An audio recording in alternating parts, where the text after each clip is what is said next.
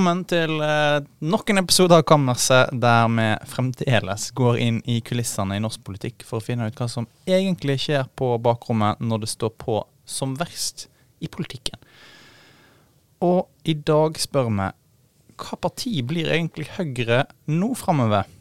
Og vi har med oss en av partiets eh, unge, håpefulle og mektige politikere som eh, er i ferd med å få et eh, sentralt verv på landsmøtet til helga. Sandra Bruflot, innstilt til vervet som leder av Høyres kvinneforum. Og stortingspolitiker i helsekomiteen. Ja. Velkommen til deg. Tusen takk. Og eh, før vi går inn på kammerset, så tenkte vi å ha en eh, fast liten runde inn på forværelse, for å kikke litt på hva som har gjort inntrykk på oss. Emil Andreastad eh, og Eh, jeg heter uh, Lars Inge Stavland. Uh, Nyhetsredaktør. Ja. Lars Inge Stavland. Berit uh, Aalborg er ikke med oss i dag. Hun er hjemme, uh, sjuk. Um, og derfor så tenkte vi faktisk å invitere gjesten Sandra inn på uh, forberedelse òg. Ja. Kan vi begynne med deg, da. Sandra, Hva er det som har gjort inntrykk på deg siste uke? Ja, Det som har gjort inntrykk siste uka, er vel egentlig en fortsettelse av det som skjedde for et par uker siden. Fordi da kom Kvinnehelseutvalget med sin NOU som egentlig viser det samme som den viste sist gang vi hadde det, i 1999. At kvinner og menn ikke får et like bra helsetilbud. Det er egentlig ganske store mangler. Og noe av det som kanskje gjorde mest inntrykk for min del, er at man sier at det har ikke egentlig mangla på sterke kvinnestemmer, men de får ikke noe gjennomslag i helsetjenesten. Så man har prøvd og sagt ifra om hva som mangler og hva man trenger, men det hjelper på en måte ikke. Og det, det, må jeg si at har gjort litt inntrykk. Så prøvde vi denne uka her å fremme et uh, sånt løst forslag, som det heter, i stortingssalen. Om å få en stortingsmelding om kvinnehelse.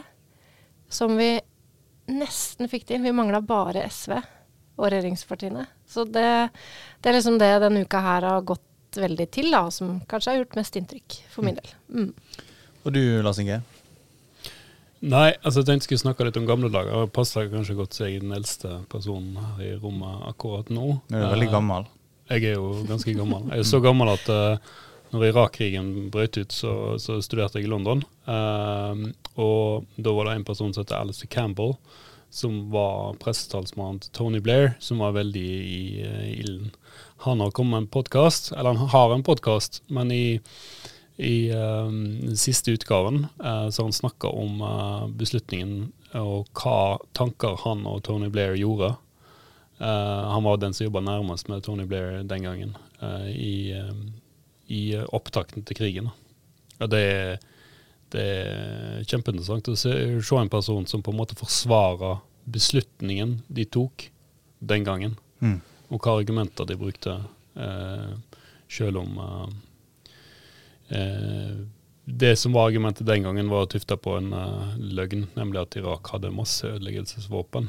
Så det, mm. det, er veldig fascinerende å høre nå i etterkant.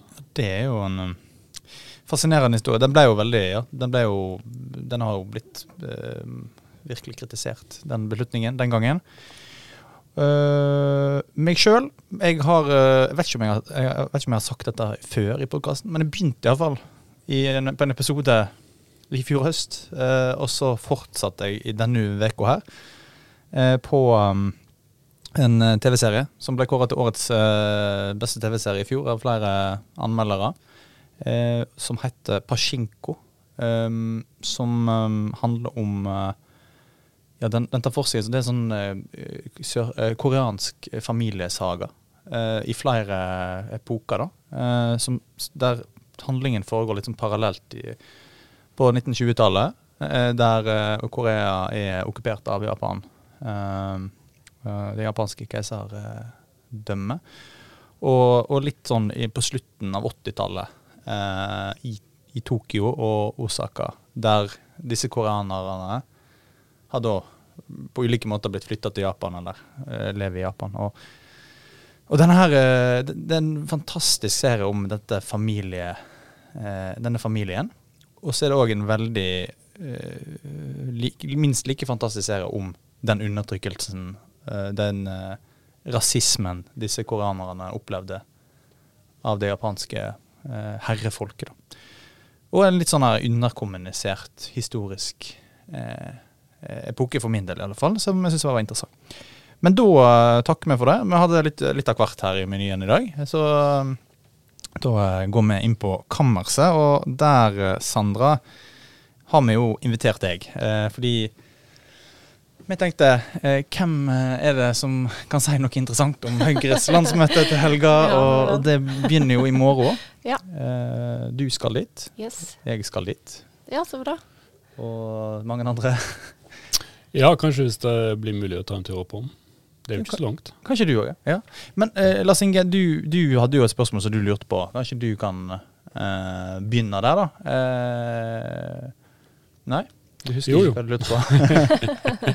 jeg lurer på Altså, jeg ble jo litt satt ut i dag med denne meningsmålingen fra Trondheim, må jeg innrømme. Det ble jo òg lederen av Politisk kvarter i dag, eh, så jeg. Eh, at det der kom det altså fram at Arbeiderpartiets bastion, eh, ny måling der for Adressa og NRK, som viste at Høyre er dobbelt så store som, som Arbeiderpartiet. Mm. Det var jo et slags sjokk, da.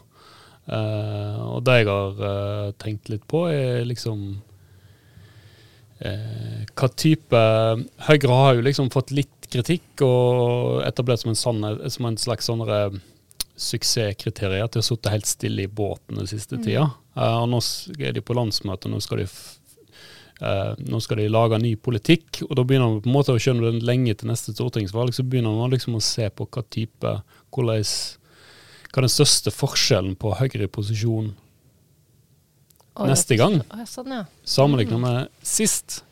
Det syns jeg er jo litt interessant. Og det er ikke så lett å se på de innspillene som kommer fra Høyres landsmøte. For der er det der er det, om ikke stille i båten, så er det, det er iallfall eh, litt sånn idyll.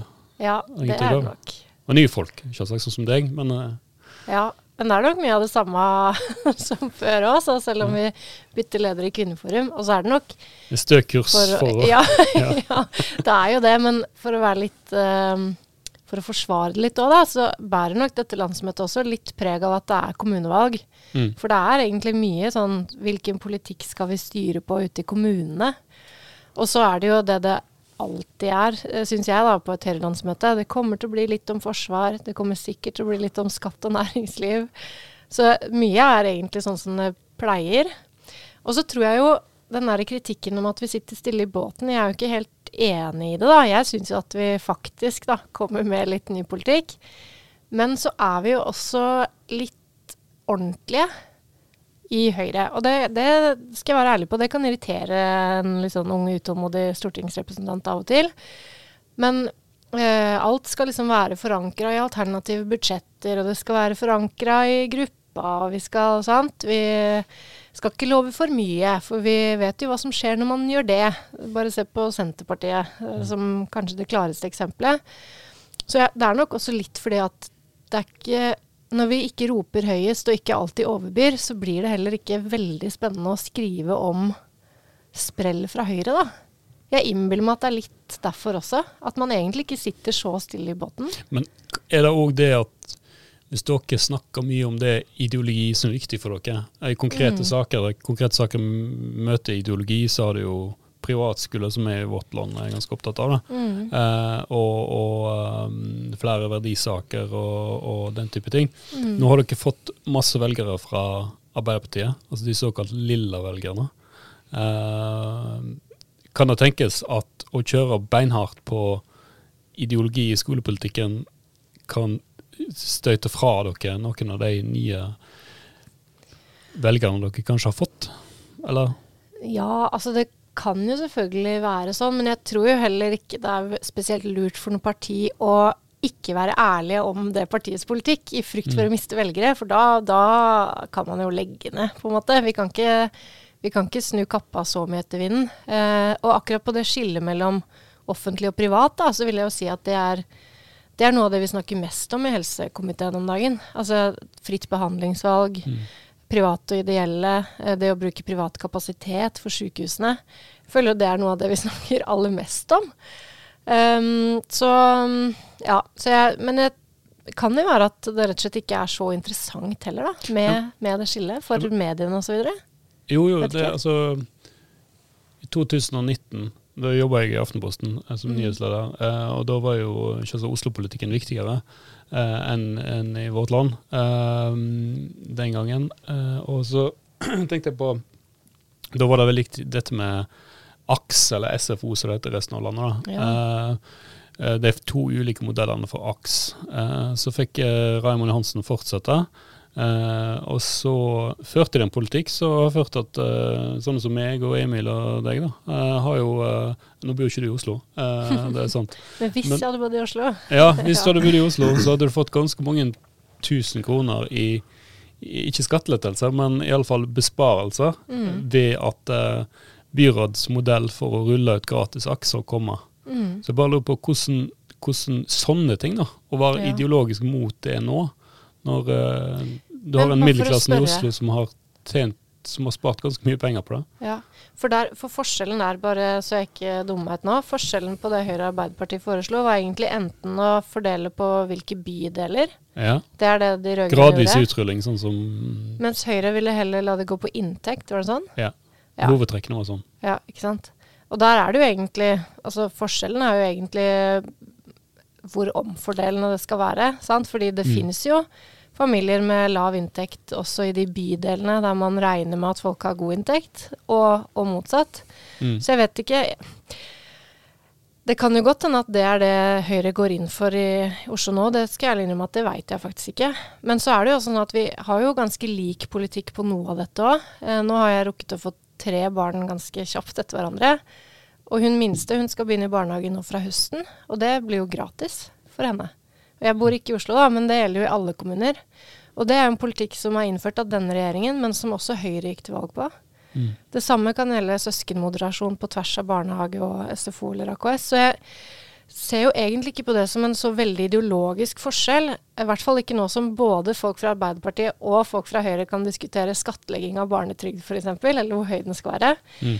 Men mer enn sånn OK, vi har ikke en større pengepott enn dette. Hvordan klarer vi på best mulig vis å omfordele på en, på en smart måte, sånn at det ikke ruinerer deg da, å få barn nummer én eller to eller, eller tre, f.eks.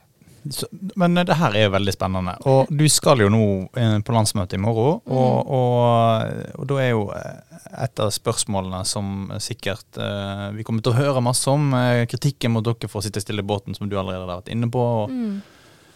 Og så sier du at dere har um, uh, Men dere sitter ikke stille i båten, dere har utvikla mye ny politikk. Hva, Ja. kan, du, kan du være eh, kan, hva, hva, hva politikk er det uh, som Høyre nå har utvikla? ja, det er jo mye forskjellig, da. Det er ikke så lenge siden vi kom med sånn 75 nye forslag for å ha en bedre eldreomsorg, f.eks., på Mm. mitt felt. Vi var jo veldig på dette med stortingsmelding nå for kvinnehelse, og det kan høre litt sånn teit ut at det er politikken for en stortingsmelding, men poenget med det er jo at når man veit at man må gjøre veldig store strukturelle endringer for å få et likeverdig helsetilbud for menn og kvinner, så holder det ikke at det kommer en slags strategi fra regjeringa, fordi da må man inn i både utdanningsinstitusjoner, finansieringssystem, ja, osv. osv. Um, og så er det jo lagt fram Vi kom jo med en hel ungdomsskolereform for ikke så veldig lenge siden. Eh, det mediene da var mest opptatt av, var om ikke det også betydde at man ville ha karakterer fra 7. klasse. Noe jeg egentlig ikke tror var et Det var egentlig ikke et forslag der i det hele tatt. Um, så jeg vil jo si at det skjer ting. Um, men, men jeg tror jo også at når Høyre, hvis Høyre skulle komme inn i en ny regjering om to år, eller om seks år, så tror jeg nok også at de store forskjellene vil jo være på litt større ting. Altså da, da må vi jo snakke liksom reformer igjen, tror jeg at man kommer til å få se. Hva type reformer? Ja, det vet jeg ikke. Men man er helt avhengig av det. sant? Bare se på mitt felt nå, som er helse. Det er eh, altså Vi har jo visst lenge at vi har hatt veldig bortskjemte politikere i Norge, fordi man har kunnet kaste penger på veldig mye. Nå kan man ikke det lenger. Og da er man helt nødt til å se på måten man organiserer seg på. Hvordan kan man frigjøre mer penger? Hvordan kan vi gjøre ting smartere på en annen måte? Eh, Det kom en sånn helsepersonellkommisjon nå, fordi vi blir flere eldre, færre folk i arbeid bak hver pensjonist. Men vi klarer ikke å rekruttere nok helsepersonell. Um, og det er flere og flere som Eller det kommer jo liksom stadig folk som er misfornøyd eller vil ha en annen helsetjeneste enn det vi har i Norge. Men vi har flest sykepleiere per personer av noe land, tror jeg, i hele verden. Så hvor skal vi hente de fra, da, hvis ikke vi klarer å utdanne de i Norge? Um, det kommer til å bli en kjempediskusjon, så man er helt nødt til å tenke litt annerledes og organisere seg annerledes. Og da kommer det ikke til å handle om liksom småting her og der. Da må det liksom større ja, grep til, da. Så får vi se hva denne regjeringa klarer å legge på bordet. Eller om det er noe de får starta opp, litt avhengig av når man får et politisk skifte. Og hva som kommer litt lenger ned i veien. Vi er, vi er jo en podkast som prøver å i hvert fall gi en illusjon til lytterne av at vi klarer å komme eh, bak kulissene i politikken. eh, og, og du skal jo nå på landsmøte i helga. Mm. Kan du eh, ta oss med bak kulissene på? Hvordan er, er Du har vært mange, på mange Høyre-landsmøter. Ja, Dette er ditt det. nummer Ah, ja, nå spør du godt. Ja. Eh, tiende, kanskje? Tiende. Ja, sant? Det er Kanskje mange. litt mer, faktisk. Men ja. Mm. Du har vært Unge Høyre-leder, Yes. satt i sentralstyret der. og Mm. eh, Hvordan er et Høyre-landsmøte for eh, Sandra Bruflot? Ja, det, det er jo egentlig veldig stas, da. Jeg, nå har jeg tale på søndag, og det syns jeg alltid er litt kjedelig, fordi da gruer jeg meg helt fram til søndag. Og så er det liksom Når jeg er ferdig, så er det bare Erna sin tale, og så skal vi hjem. Ja, for du er en del av det offisielle programmet her. Ja, i år er jeg det. Jeg har fått ti minutter på søndag. Det er ganske bra, det, altså. Det er hyggelig, det. Men eh, ja, det gjør jo også noe med stemninga for min del, da. Eh, det skal jeg ærlig innrømme. Men et Høyre-landsmøte som er fysisk, uten at det er digitalt eller med avstandsgreier, sånn som vi har hatt de siste åra, og der vi både er i opposisjon og det er god stemning, det tror jeg kan bli veldig morsomt, altså. Fordi det er noe med at når man sitter i regjering, så er det litt andre spilleregler. Man kan, man, selvfølgelig, da blir landsmøtet mer brukt som en slags korreks, eller for å vise hva som egentlig er vår primærpolitikk. Nå kan vi jo det uansett. Vi trenger egentlig ikke å ta så mye hensyn. Selv om Høyre tar jo alltid litt hensyn uansett. Um, og ja, det, det gjør noe med et landsmøte altså, når, det er, når det går veldig bra på målingene. Det skal jeg ærlig innrømme. Et- Um, mm, Et direkte spørsmål. Altså, ja. hvor stor er sjansen fra én til ti for at det blir fattet et vedtak på landsmøtet som du ikke kan stå innafor? Oi. Ja, det vil jeg si det er ganske gode sjanser for. Og det er jo litt pga. dynamikken i landsmøtet. fordi hvis det blir for kjedelig, og det skjer for lite, så får man sånne eh, det ledelsen kanskje vil kalle arbeidsuhell. Ja. Der det plutselig er et vedtak som eh, Altså, det mest nærliggende er at det kommer til å koste for mye penger, tenker jeg. Til at Ja. jeg som liksom stortingspolitiker kan si at dette har vi råd til, og så har vi egentlig ikke det. Snakker vi da skattelette, den sida av streiken, eller snakker vi Ah, Det kan være alt mulig. Det kan være Nord-Norge-bane. Eh, det kan Ja. være Det finnes høyrefolk som er opptatt av sånt òg. Det gjør det, vet du. Det er Oi, det som er. Jo større partiet blir. Ja, jo flere, Dere må stoppe nå. Dere kan ikke vokse mer nå. Dere må være ansvarlige. ansvarlige. Flere tunneler, jo flere Ja, ja. jernbaneskinner skal ligge. Ja, ja. Jeg, er jeg er veldig for en jernbane selv, så jeg skal ikke, skal ikke si at det liksom ikke Man bare skal stoppe og... Ja, Ringeriksbanen, ja. Oh yes. Å, men den er vi for, alle sammen. Sant? Selvsagt. Ja. Men det som er interessant med Ringeriksbanen, da, bare for å si en liten digresjon, er at det er vel 166 av 169 stortingsrepresentanter som er for. Ja. Den koster det samme som Follobanen, men korter ned da Oslo-Bergen med over en halvtime. Follobanen korta ned ti minutter. Men la meg Da blir jeg gjette. sånn Hvorfor? Kommer Ja, det er noe En av de Ja. som er mot, det må være han her Arbeiderpartiet, Akershus Arbeiderparti eh, eh, representanten som jeg nå har glemt navnet på, men som hatt et eller annet eh, li til etternavn. Er han nåværende eller tidligere Ja, stortingsrepresentant? Nåværende? Nå, kanskje er han eh, ute. Han, har i hvert fall vært, han, var, han var mot uh, nynorsk grunnlov, en av to Ja, eller tre. Eller sånt. Han, var, han, var mot, han har vært mot veldig masse. fri parlamentariker. Det her- det Der var jo det, det, Det er noen av de, da. Ja, det her var litt flaut. Uh, dette her, uh, det her var litt flaut. Jeg tror ikke vi skal Det er godt å se du er menneskelig, tenker jeg, Emil. Ja. Det er, sånn er det. Av og til så glipper ting. altså, For the record, det er ikke sånn at vi alle er sånn beinharde tilhenger av uh, Ringeriksbanen. Der ligger noen myrer og noe greier som vi må ta hensyn til. Så Som Det kommer det. Bygg den banen. Bygg den banen. Sier Emil. Ja, det, Få Bergensbanen eh, Ja. ned. eh, Oh yes. Altså, men Nå har vi eh, ikke råd til rasfri E39. Uh, Nei, det er sant. Uh, men men uh, Sandra, Mm. nå er jo KrF under sperregrensa. Eh, og eh, på de fleste målinger og på gjennomsnittet. Eh, og kanskje klarer de å komme over i 2025, hvem vet. Mm. Um, mye avhengig av kanskje hvordan det går i høst i lokalvalget. Mm. Og Høyre har jo i lang tid tatt omsyn til KrF Mm. i sine prioriteringer, og i verdipolitiske spørsmål spesielt. Og du har jo representert en fløy i Høyre som har tatt til orde for en liberalisering på en del punkt. Ja. Med KrF, et mindre dominerende KrF, eh, og, og, og med et mye mer dominerende Høyre. Mm. Hvordan ser du for deg at partiet da eh, vil utvikle seg i tida framover? Ja. Jeg, min litt kjedelige analyse av det er kanskje at jeg ikke tror vi kommer til å forandre oss så veldig mye. Og det er litt også fordi at det er ganske store deler av Høyre som deler mye med KrF, eller deler en del verdifellesskap med KrF. Og så er det helt sant at uh, Høyre har jo gått inn for en del liberaliseringer, hvis man kan kalle det. Men det er jo også et veldig stort Altså det som til slutt ble flertallet, har jo vært en del av et stort mindretall veldig lenge uten å få gjennomslag. Eller flere år etter at man egentlig håpet at man skulle få gjennomslag. da. Enten det har vært bioteknologi eller det har vært andre ting. Så jeg, jeg tror at det, den liksom omtanken og hensynet og ønsket om å samarbeide med KrF, det tror jeg ikke, det tror jeg ikke blir borte, altså.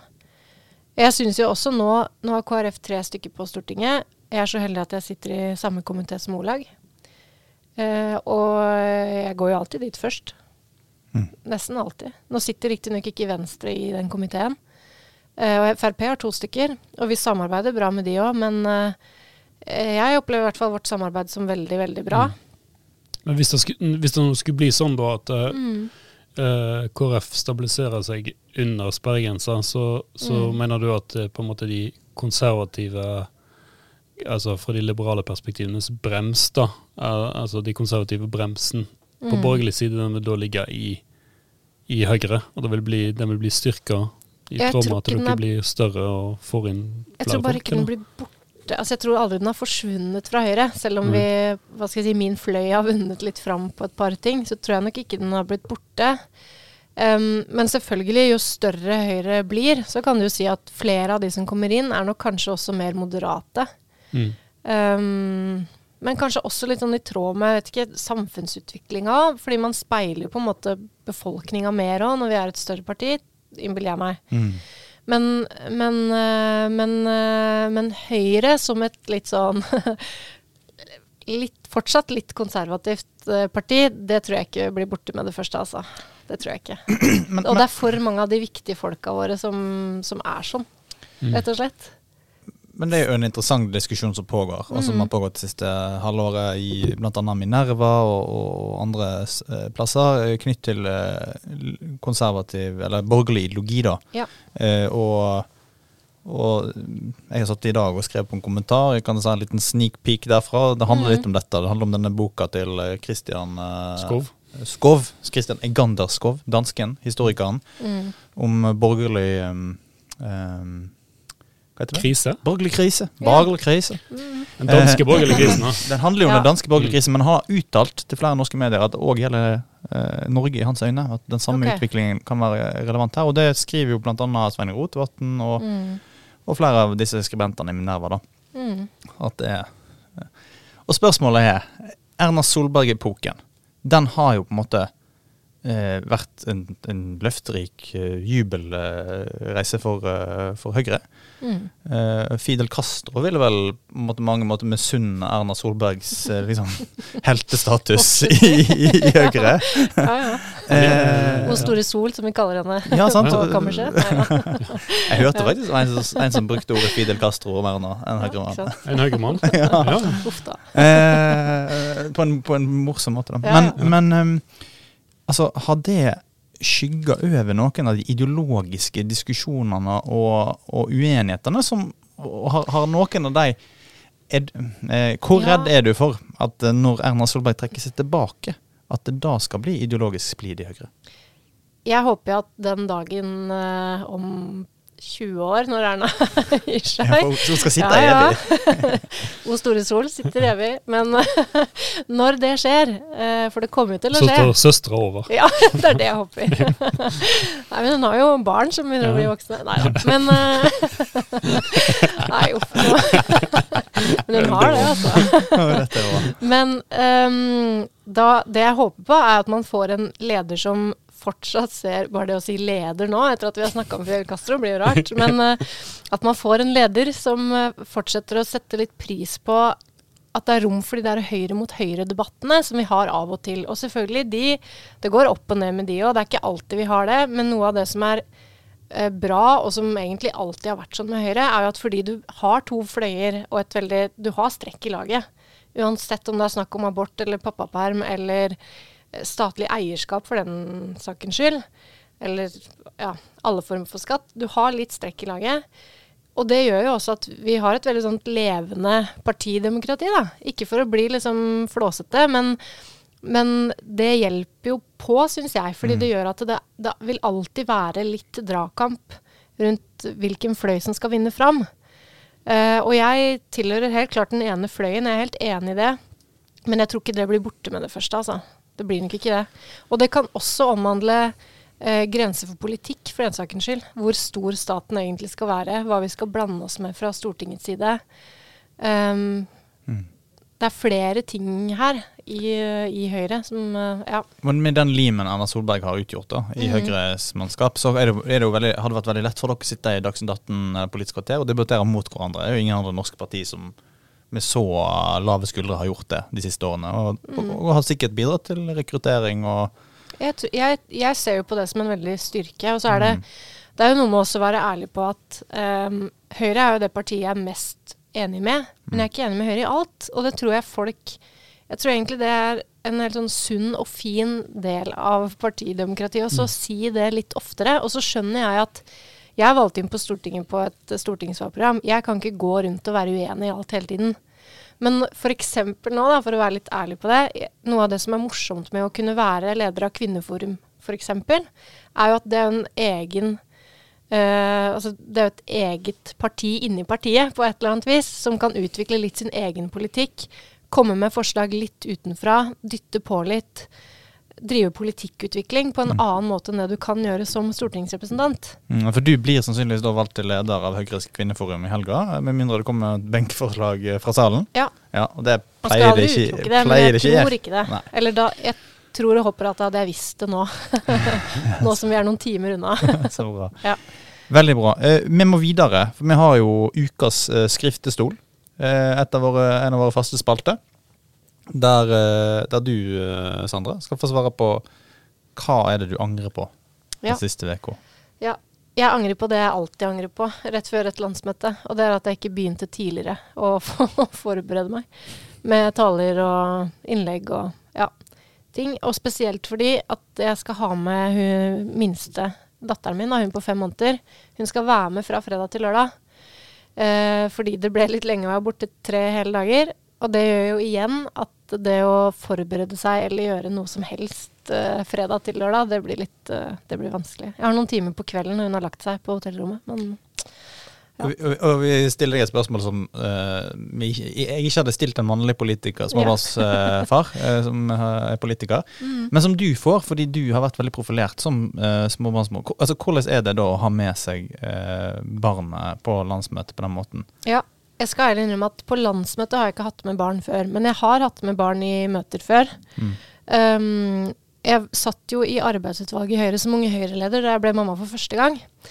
Uh, og jeg har nok litt lavere skuldre på det nå, det skal jeg ærlig innrømme, enn jeg hadde da. Men da husker jeg også at Erna spesielt sant, Hun vet jo at alternativet til at jeg har med et barn som kanskje forstyrrer litt, det er jo at jeg ikke er der i det hele tatt. Og da, det er faktisk helt greit at man av og til må ha med barn. Eh, og i den perioden så hadde også, satt også Torbjørn Røe Isaksen der, som også hadde små barn. Så det hendte jo at det så ut som Høyres hus eh, barnehage noen fredag morgener, faktisk. Um, så det, det, det, er jo bare sånn det må være av og til. Mm. Som regel slipper jeg å ha med barn på møter, men av og til så må det bare være sånn. Mm. Spesielt når de er veldig små, eller hvis det er ja, du veit jo åssen det er, Emil. Hvis det er planleggingsdag eller altså livet skjer. Og da ja. av og til så må ungene være med. Jeg hadde med meg en liten uh, tass på KrFU-kontoret da jeg var KrFU-leder i ja. gamle dager. Yes. Um, ja, uh, det var forresten Sverre Myrli jeg sikta til i stad. Ja, okay. uh, Et eller annet li. Ja. ja. det er den dårlige, dårligste opphendingen noen gang. Um, jeg òg har en ting jeg angrer på siste uka. Eh, og det er at jeg i går uh, på foreldremøte i uh, Ja, på foreldremøte på Mm. Disen skole, der jeg har barn, sitter og um, det blir helt stille fordi vi skal velge representant til FAU. Ja. Det er ingen som vil velges til FAU, og lærerne henter fram disse her disse sånne kort, eller stift eh, noe, så, noen sånne kort som de bruker når de trekker blant elevene. Oh, ja. Nå skal de trekke blant oss voksne. Hvem som blir FAU-leder. Å ja, De for det er det de gjør når ingen rekker Ja, når ingen rekker opp hånda. Det var det de trua med, da. Og da, eh, da kjente jeg at det er så mye verre å bli trukket nå Ja. eh, til å bli FAU-representant enn å Så jeg var han idioten da som lot dette presset ja, det gjorde det. Ja gå utover meg, og, og meldte meg da til å bli FAU-representant. Ja. Så Det er det jeg angrer på. Jeg angrer umiddelbart. Ja. Eh, det, var, det var sånn eh, Men det er jo fint at du gjorde det òg, da, på en måte. Nå vil jo du at det er, en gang, det er en gang i måneden de neste to årene. Eh, jeg, har, eh, jeg har røket på en smell. Så- Men da slipper du seinere, da. For da kan du si jeg hadde perioden 2023 til Ja. Og kanskje nå når jeg sier det i denne podkasten, som ingen av foreldrene i barnehagen sikkert hører på, nei, på skolen sikkert hører Det på, finner du ut nå. så, Mm. eh, så husker de dette. Mm. Ja, ok. Eh, og så har vi siste spalta her i dag, og det er ukas profeti. Og der eh, jeg er veldig spent, da. Eh, der kommer det da en politisk profeti fra oss og fra gjesten, eh, som er målbar. Og her vil en jo bli dømt eh, på denne profetien i framtida, om, om det treffer eller eh, ikke. Dommens dag kommer. Dommens dag kommer. det blir en egen episode. ja. Eh, Sandra, hva, hva er din dristige profeti? Min profeti er at eh, justisministeren må gå tilbake på, eller liksom avkrefte på et eller annet vis, det Senterpartiet har vedtatt om ruspolitikk. Og det kan høres litt sånn eh, rart ut, så jeg må jo kanskje bruke litt tid på å forklare det, da. Senterpartiet har hatt landsmøte der de har vedtatt at politiet skal ha hjemler til å avdekke bruk, besittelse og salg av narkotika. Og så har, eh, har man spurt, da, betyr det at eh, politiet skal få større adgang til å ransake og rusteste folk uten mistanke? Hvorpå Senterpartiet svarer ja, det skal de.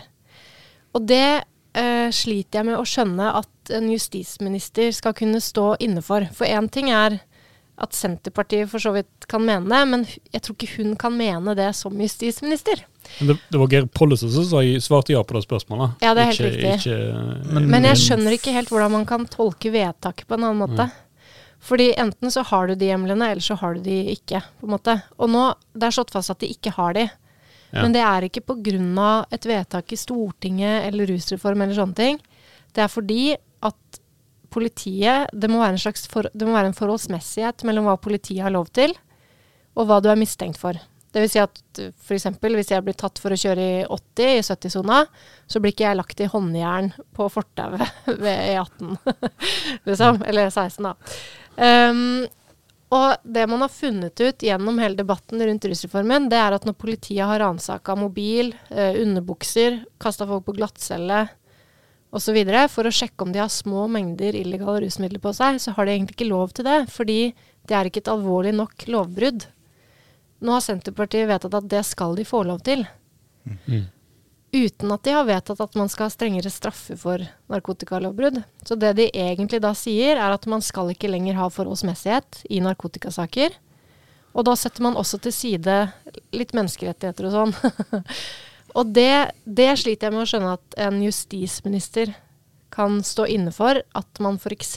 skal gjøre i en sånn rusreform eller Jeg sliter litt med å forstå et parti som vil sin egen justisminister så vondt, som Senterpartiet åpenbart her eh, altså, som, Dette er jo på åpenbar kollisjonskurs med domstolene. Ja, men så er jeg nesten litt og, og, For det er dette jeg helt, ikke helt skjønner med dette. For jeg oppfatter justisministeren vår som, veldig, som ganske ryddig, og som en dame som kan sakene sine. Hun er jo også jurist. Eh, Det trenger man jo egentlig ikke å være for å være justisminister, men hun er det.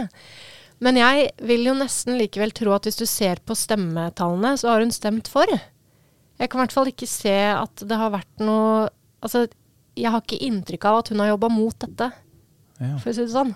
dette er Og det kan godt hende at det er feil, altså. Det får dere i pressen. Men det, samtidig så er det jo, det er jo eh, primærpolitikken til Absolutt. et eh, parti som sitter i regjering, og samme greiene som, som dere, og ikke minst Frp hadde under, Ja. under den forrige regjeringa. Men det- Eh, For jeg tror ikke at Senterpartiet kommer til å gå tilbake på det. Men Mm. jeg tror at når justisministeren må svare for Stortinget, for det, det må hun, mm, det har flere sørget for at hun må, onsdag om en uke. Så jeg tror ikke at hun kan uh, svare at jo, det bør politiet få. nei. Det er? Det er litt rar profeti, kanskje. Men Men, jeg- eh, Nei, men jeg synes det, var, det, det, det er veldig interessant. Det minner meg litt om når Frp satt i, hadde, satt i Justisdepartementet og, ja. og eh, hadde en uh, landsmøtebestemt politikk som ikke var så lett å gjennomføre. Ja. Og det er jo noen likheter her mellom Ja. Senterpartiet og Fremskrittspartiet. Så jeg tenker at det Jeg skjønner godt at det bringer tilbake Du trenger en halvtime til, tror jeg. Å, ja, sorry. Nei, det går bra, det. Før, før, du eh, skal få ta din profeti, eh, Lars Inge, så vil jeg bare komme med en liten fun fact uh, i Sverre Myrli-gate, Ja. Uh, som denne episoden har gått inn Så på. han er en Han ble en del av denne episoden. Han ble det. Han ble det. Jeg syns det er en oppreisning til han, da. Ja, ja. eh, At, at vi nå Han er en av landets mest erfarne Han sitter jo, Ja. politikere. ja, sitter jo fortsatt på Stortinget. Ja. I I 2007 så ble jo Stortinget omgjort til ett kammer. Da gikk Mhm. en fra odelsting og lagting til storting. Alt sammen eh, slapp å liksom behandle lovene to Du er ikke ganger. på Wikipedia nå? Du-? Jo, jo, Du jeg er på vedtar det to ganger i Stortinget i stedet. Ja. Mm. Myrli var den eneste representanten som stemte mot denne Han endringen. stemte mot, ja. Ja. Kanskje han Nei, nå skal skal ikke jeg begynne å spekulere i ting, så vi må finne ut av enda mer om hva Sverre Myrli mener. Nei, skal vi, nå skal jeg si sånn at eh, han er ikke her for, for, for å Forsvare seg. Forsvar seg. Dette, dette står på Wikipedia-profilen hans. Ja. Så eh, Lars Inge Staveland, hva er din profeti? Ja, altså nå er jeg jo eneste her i rommet som ikke angrer på noe. Så det, nei da, Ja, jeg bare tuller. Eh, I profetiene. ja. eh, ja, det, jeg må jo liksom tilbake til byene, da. eh, og hva som kommer til å skje i, i høst. Eh, og da eh, Profetien høres jo relativt enkel ut. Eh, eh, jeg vil få to typer byer. Enten røde byer, og de kommer til å være mye røde i dag. Eh, eller så kommer de til å få Høyre tilbake, dersom de får Høyres venner bare klarer å lokke til seg velgere. Altså Venstre og KrF og Frp. Um, ja, så, og så kan vi se et stort Høyre i Arbeiderpartiet, nei, i Trondheim, kan jo bety en bly, blodrød uh, by, uh, dersom uh, Rødt og SV gjør det så bra som de nå ser ut til å, å gjøre. Mm. Eh, og da, den dynamikken der kommer Jeg tror den todelingen der kommer til å bli Vi kommer til å få enten uh, borgerlige byer eller ganske radikale byer. Og Det syns i hvert fall jeg er interessant, da, i kollokvielandet mitt. I kollokvielandet ditt, eh, Lars Inge. Tusen hjertelig takk for det. Eh, og til dere begge, eh, takk for eh, i dag, at dere kom. Eh, og spesielt du, Sandra, som stilte opp på kort varsel for å komme hit til oss, selv om du ikke har skrevet ferdig talene dine. Ja, ja. Det var bare hyggelig å komme på besøk. Eh, dere som, som lytter, dere kan sende oss innspill til hvem dere vil ha som gjester, eller tips, eh, ris eller ros på e-postadressa kammersetalfakrøllvl.no. Og så er vi snart tilbake med en ny episode.